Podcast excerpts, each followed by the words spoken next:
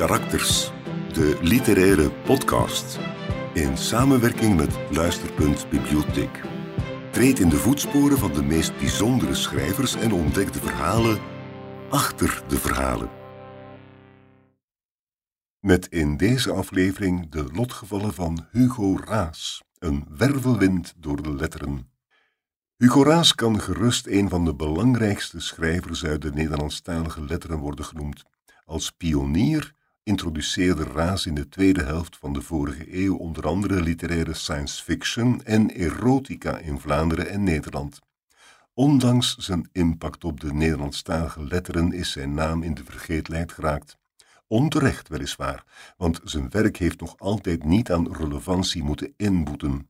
Laat dit portret van Hugo Raas een pleidooi zijn om zijn werk opnieuw open te slaan of voor het eerst ter hand te nemen. Abonneer je op onze podcast en blijf op de hoogte van nieuwe afleveringen. Wil je je verder verdiepen in het werk van Hugo Raas of ben je benieuwd naar de verhalen achter andere auteurs? Neem dan een kijkje op ons literair platform op www.karakters.nu.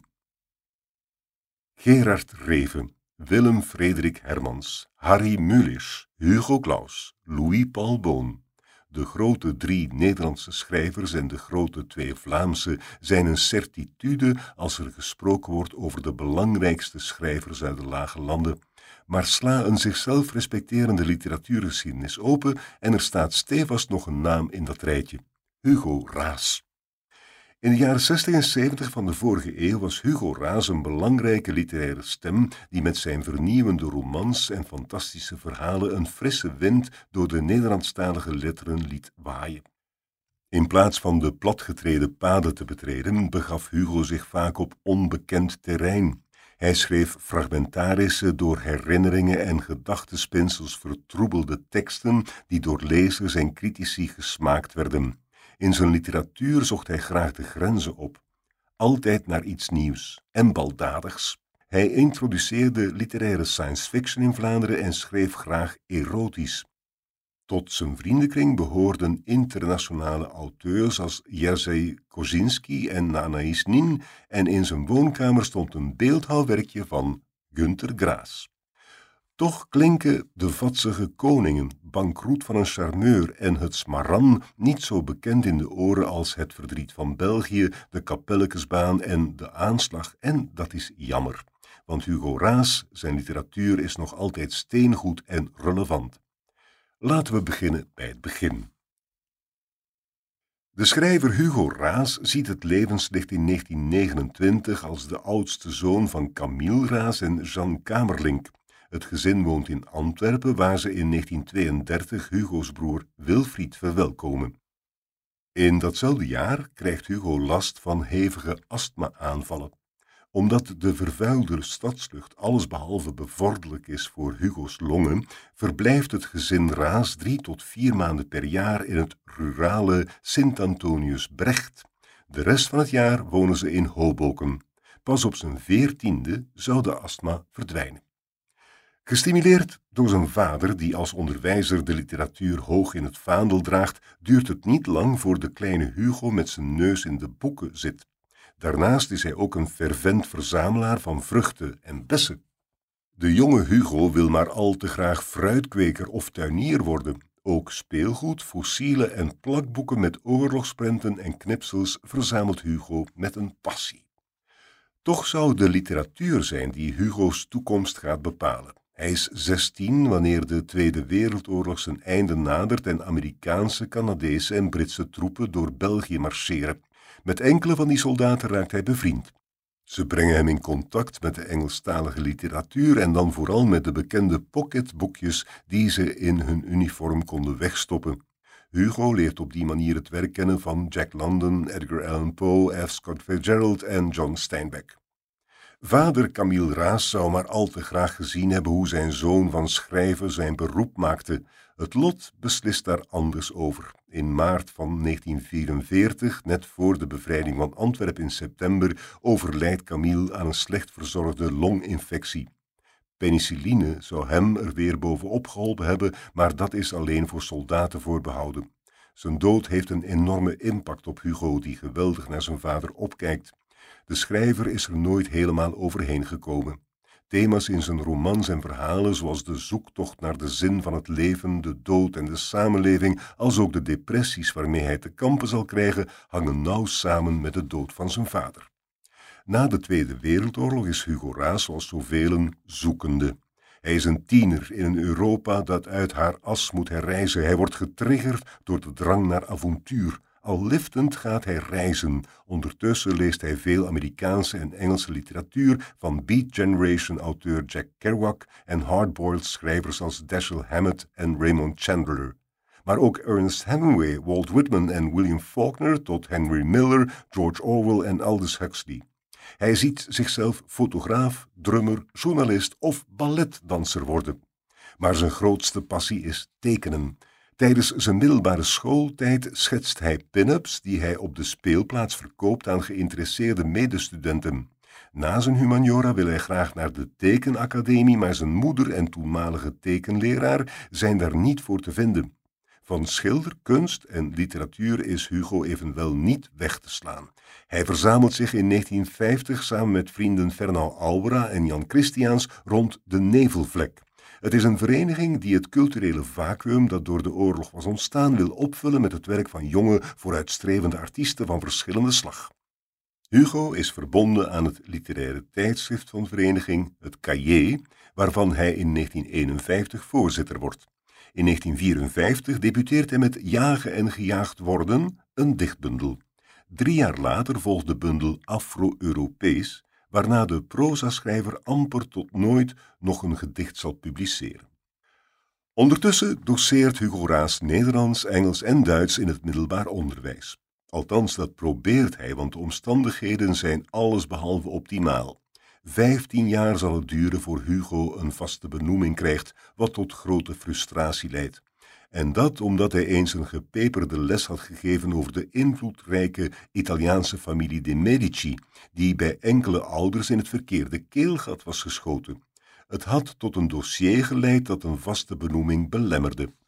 De vrijgevochten artiest, die door zijn leerlingen nogthans graag wordt gezien, kan zich dan ook maar moeilijk verzoenen met de vaak bekrompen sfeer in het onderwijs dat door dictatoriale directeurs, vervelende collega's en een vastgeroest systeem als beklemmend aanvoelt. Toch zal Hugo in de persoon van Marie-Thérèse van de Botermet uitgerekend in het onderwijs zijn grote liefde ontmoeten.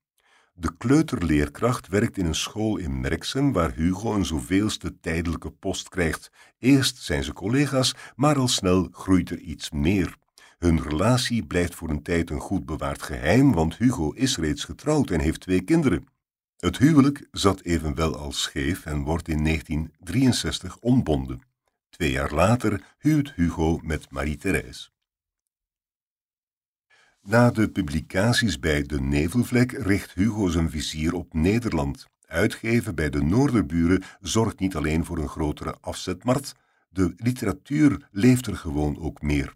Amsterdam is het mekka van het Nederlandstalige boek met de bezige bij van Geert Lubberhuizen als absolute exponent. Dat Hugo Raas er in 1957 zijn eerste verhalenbundel links van de helikopterlijn mag publiceren, zegt alles over het potentieel van de schrijver. Met een titel die tot de verbeelding spreekt en de fantastische, vernieuwende, soms macabre elementen die de verhalen typeren, manoeuvreert Hugo zich met deze bundel meteen in een unieke positie in de Nederlandstalige letteren. Een idee voor een eerste roman dient zich aan. Voor vertelstof kijkt Hugo om zich heen. De gesprekken, gedachten, gebeurtenissen en frustraties uit zijn eigen leven giet hij in een stroom van anekdotes die hij door een jonge, piekerende onderwijzer tijdens een slapeloze nacht tegen zichzelf laat vertellen. Het resultaat is een uitdagend stuk proza dat een middelvinger opsteekt naar een lineaire vertelstijl en zich presenteert als een smeltkroes van werkelijkheid en verbeelding. Realisme en poëzie, grof cynisme, en dichterlijke tederheid. Wanneer zijn tekst klaar is, trekt Hugo met Marie-Thérèse in een deux vol naar de bezige bij en legt hij het manuscript van De Vatsige Koningen op het bureau van Geert Lubberhuizen. Zijn debuutroman verschijnt in 1961. Vernieuwend, experimenteel, verrassend zijn trefwoorden in de artikels en recensies die de Vatsige Koningen bespreken. De anekdotische en cirkelvormige opzet van Hugo's debuut is nieuw in het Vlaamse literaire landschap.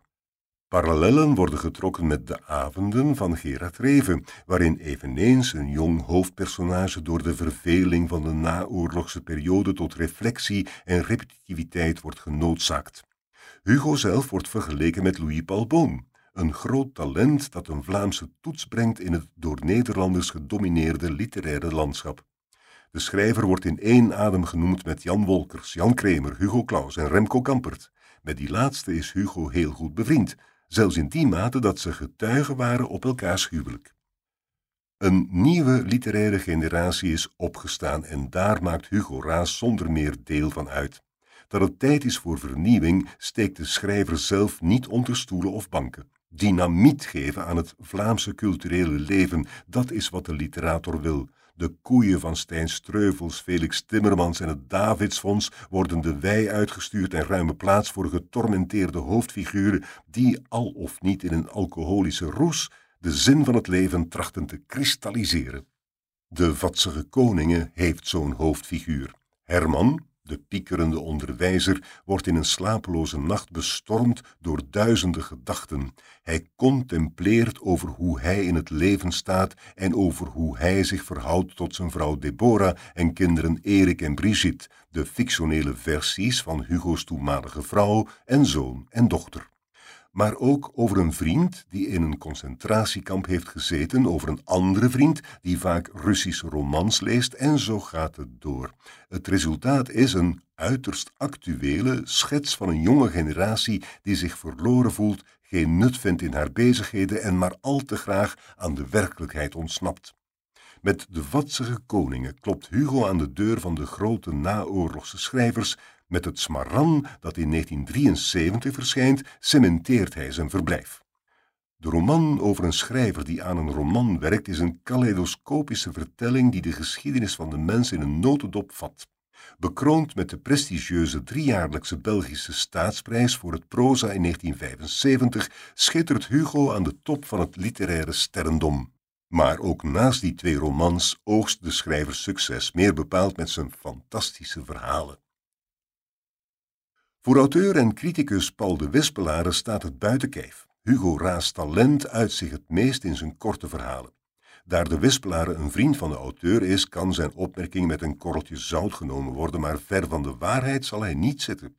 Hugo Raas schrijft na Links van de helikopterlijn nog drie verhalenbundels die met groot succes onthaald worden. Dat zijn Een tijdelijk monument, Bankroet van een charmeur en De Vlaamse Reus.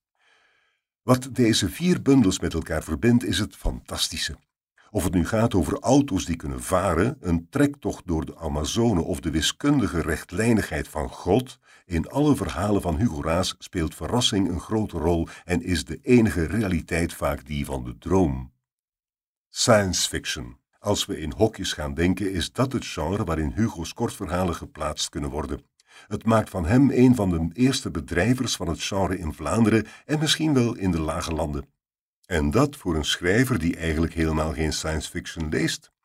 De drang naar het avontuur en het ontdekken van het onbekende manifesteert zich in zo'n hoedanigheid dat Hugo haast niet anders kan en neigt naar het groteske.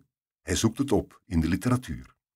Ook het macabere heeft daarin zijn plaats. Verminkte kinderen en mensen die op absurde wijze om het leven komen, bevolken meer dan eens Hugo's verhalen en wijzen op de zwartgallige thematiek die de schrijver aanhangt.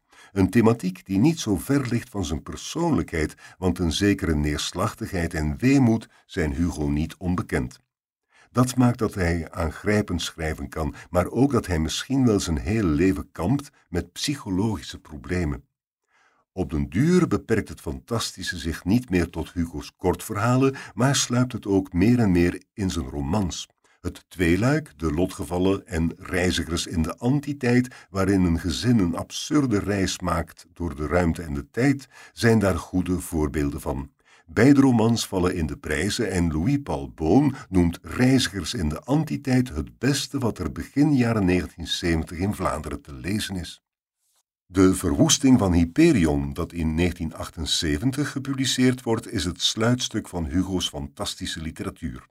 De roman gaat over een kleine groep mensen die zich tot een technisch-wetenschappelijke hyperbeschaving heeft ontwikkeld nadat ze de verwoesting van de aarde overleefd hebben. Met een blits geïllustreerde cover in de stijl van de cultfilm La Planète Sauvage is deze roman een unicum in het Vlaamse literaire landschap. En zoals de meeste fantastische verhalen draagt de verwoesting van Hyperion een diepere laag in zich. Het boek is een allegorie op het verblijf van Hugo en zijn gezin in Roemenië, waar ze met de uitwassen van het communistische beleid van de toenmalige leider Nicolae Ceausescu geconfronteerd worden. Maar daarover later meer. Niet iedereen was te spreken over Hugo's zin voor fantasie en toekomstvisioenen, vooral naast de vrienden en collega's die de zogenaamde serieuze literatuur hoog in het vaandel dragen, vinden Hugo's experimenten met science fiction maar niks. Zo zou Geert Lubberhuizen van de Bezige Bij aan Hugo gevraagd hebben of hij niet weer normaal zou beginnen schrijven. En dan was er Remco Kampert, Hugo's boezemvriend. Bij de publicatie van De Verwoesting van Hyperion zou die Hugo woedend opgebeld hebben om zijn ongenoegen te uiten. De overtuigde, vooruitstrevende dichter las het boek als een kritiek op het linkse systeem en kon dat niet verkroppen. Het leidde tot een definitieve breuk tussen de vrienden die elkaar nooit meer terugvonden. Naast science fiction is Hugo Raas ook uitermate geboeid door erotiek. Het vrouwelijke lichaam zet hij al sinds zijn jeugdjaren op canvas en ook op papier manifesteert hij de seksuele aantrekkingskracht tussen een man en een vrouw. Bij uitstek de roman Hemel en Dier uit 1964 loopt over van Hugo's hang naar erotiek. Hemel en Dier valt uiteen in twee delen. Het eerste deel vertelt de liefdesgeschiedenis tussen een getrouwde fotograaf Willem en het veel jongere meisje Patricia. Vaak fysiek in dezelfde ruimte zijn ze niet, maar als ze elkaar treffen, genieten ze met volle teugen van elkaar. Fragmentarisch en in de vorm van herinneringen die Willem te binnen schieten, wikkelt het verhaal zich af. Vintage Hugo Raas, met andere woorden. In het tweede deel verstoort de oorlog de relatie van de protagonisten. De verliefde herinneringen maken plaats voor gruwelijke beelden en ziektesymptomen. Seksualiteit, lust, jaloezie, de manier waarop mannen zich tegenover vrouwen gedragen en of die houding wel altijd even gezond is, zijn de zeer vooruitstrevende, nog steeds actuele thema's die hemel en dier uitdraagt. Opzienbarend zou je het kunnen noemen, maar ook niet helemaal. Zeker niet als je nagaat hoe ver Hugo Raas op zijn tijd vooruit is en van welk belang progressiviteit en vrijheid voor hem zijn. Hemel en dier is dan ook de tijdgenoot van Ik Jan Kremer, dat in hetzelfde jaar uitkwam en was mee een wegbereider voor Turks fruit, dat pas een kleine tien jaar later uitkwam. Hugo's literatuur wordt zelfs gecensureerd. Alfons Franks, minister van Justitie aan het einde van de jaren 60, is niet te spreken over de losbandigheid in het werk van een aantal Vlaamse auteurs, waaronder dat van Hugo Raas en Jeff Gerards. Dus laat hij censuurmaatregelen uitvaardigen. Hugo en zijn collega's protesteren vurig en komen samen tijdens zogenaamde anti-censuur read-ins, waar ze teksten voorlezen die gericht zijn tegen de maatregelen van de minister. In Nederland passen ze de hetze toe als een verkooptruc. Op Hemel en Dier komt een sticker waarop verboden in België staat te lezen. Hugo's erotische en fantastische literatuur doet Amerikaans aan. Op het Europese toneel is de schrijver dan ook voor geen kleintje vervaard. Hij wordt vertaald over heel het continent en houdt er enkele opmerkelijke contacten op na. Een van die contacten is niemand minder dan Anaïs Nin. De Frans-Cubaanse schrijfster van erotische literatuur is vooral bekend om haar dagboeken, waarin ze vertelt over haar affaire en vriendschap met Henry Miller en diens vrouw. Ze was daarnaast bevriend met onder anderen Gore Vidal en werkte samen met D.H. Lawrence. Hugo Raas en Anaïs Nin correspondeerden voor enige tijd. In de brieven die ze elkaar schreven hield Anaïs Nin Hugo op de hoogte van wat er allemaal in Amerika aan literatuur verscheen. Toen ze op de Amerikaanse ambassade werd uitgenodigd, was Hugo aanwezig. Er was iemand aangeduid om een woordje te spreken over Anaïs Nin, maar nog voor de persoon van wal kon steken, zei Nin, er is maar één iemand in deze ruimte die mijn werk van A tot Z kent en dat is Hugo Raas. Ik wil hem vragen voor mij iets te zeggen. En zo geschiedde. In de jaren tachtig publiceert Hugo nog drie werken: de vertelling De Goudwaterbron, het kinderboek De Gektewind en de roman De Strik. Daarna blijft het een hele tijd stil rond de auteur, waardoor hij een beetje in de vergetelheid raakt. In 2001 verschijnt nog een aquarel van de tijd, een verzameling biografische verhalen over Hugo's eigen leven. Het is zijn laatste publicatie. Mijn geheugen wil niet meer en ik moet oppassen voor stress en aanwezige drank, laat Hugo optekenen in 2008 in een interview met journaliste en schrijfster Margot van der Straten. Met de gezondheid van de grote schrijver gaat het dan al een tijdje niet goed. Hugo wordt meerdere keren opgenomen in een neurologische kliniek, zoals hij dat zelf noemt, terwijl zijn schrijverschap op een heel laag pitje staat. Een lijdensweg volgt die Hugo en zijn familie zwaar treffen. Omdat de situatie niet meer houdbaar is, Hugo aanvoelt dat hij de grip op het leven aan het verliezen is en dat schrijven, als ook tekenen en schilderen niet meer zullen lukken, kiest hij ervoor om in 2013 op 84-jarige leeftijd zich te laten euthanaseren. In de pers wordt Hugo's dood eerder in de marge opgemerkt, maar op zijn begrafenis staat heel literair Vlaanderen en Nederland om een laatste groet te brengen aan een van de belangrijkste schrijvers uit de lage landen. Deze podcast is een samenwerking tussen Literair Platform en uitgeverij Karakters en Luisterpunt Bibliotheek de bibliotheek voor mensen met een leesbeperking. Abonneer je op onze podcast en blijf op de hoogte van nieuwe afleveringen. Wil je je verdiepen in het werk van Hugo Raas of ben je benieuwd naar de verhalen achter andere auteurs? Neem dan een kijkje op ons literair platform op www.karakters.nu.